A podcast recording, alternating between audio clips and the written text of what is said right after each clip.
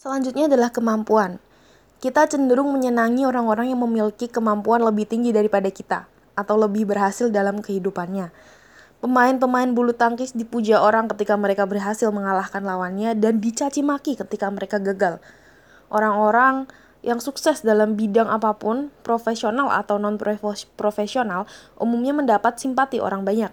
Walaupun demikian, seperti faktor-faktor dan atraksi lainnya, ada beberapa situasi ketika kemampuan tidak menimbulkan atraksi interpersonal. Dan Aronson menemukan dalam penelitian yang dilakukannya bahwa orang yang paling disenangi adalah orang yang memiliki kemampuan tinggi, tetapi menunjukkan beberapa kelemahan.